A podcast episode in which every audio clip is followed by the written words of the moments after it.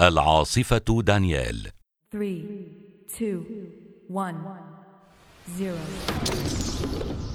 كانت العاصفة الأولى من نوعها مع العلم أنها لا تختلف كثيرا عن مثيلاتها لكن الدمار الذي ألحقته كان مرعبا ومخيفا للغاية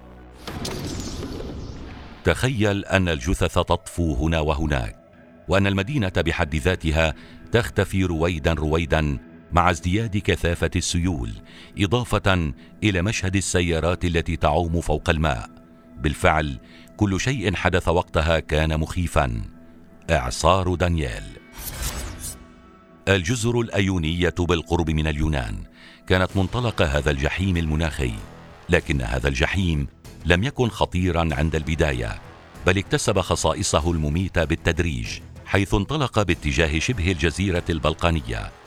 ومن هناك تم تسميتها بدانيال ثم توجهت نحو الجنوب الشرقي وكانت قوة العاصفة قد بدأت بالتزايد. كانت المحطة الأولى لهذا الإعصار في اليونان حيث أوقع الكثير من الخسائر فلقي نحو الخمسة عشر شخصا مصرعهم هناك ثم انتقل الإعصار إلى المحطة التالية والتي كان لها النصيب الأكبر من الكارثة ليبيا. بسبب الطبيعة الجغرافية والمناخية في ليبيا كان الإعصار بدأ يزداد شدة حيث وصلت سرعة الريح إلى 283 كيلومترا في الساعة وهذا رقم كبير للغاية. وفي هذه اللحظة سارعت السلطات الليبية لإغلاق الموانئ والمطارات لمدة أربعة أيام.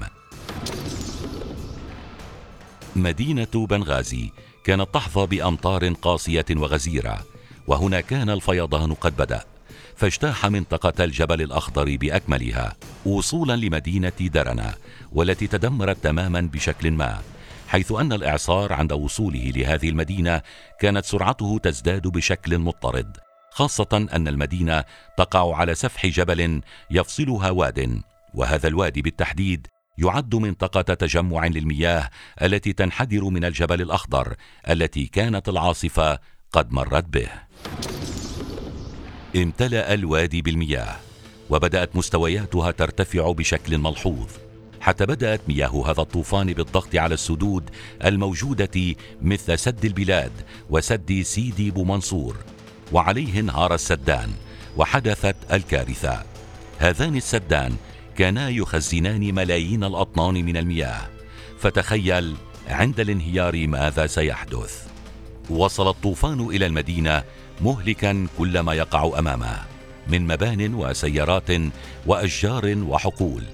دمر الحجر والبشر. بالفعل لا يمكن على الإطلاق استيعاب ما حصل.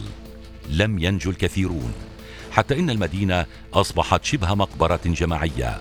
فترى الجثث على الجسور وعلى أسطح المباني وفي الشوارع وحتى محمولة مع الماء نحو البحر. ملامح المدينة لم تعد كما كانت. لا جسور لا شوارع لا شبكات صرف صحي ولا كهرباء والمياه ملوثة. كانت كارثة بكل المقاييس. خمسة ألاف شخص قد لقوا حتفهم على الأقل وفقد أكثر من سبعة ألاف شخص. بينما إعادة إعمار المدينة قد تكلف مليارات من الدولارات حتى إن هذا الإعصار قد صنف بأنه الأسوأ. في تاريخ المنطقة.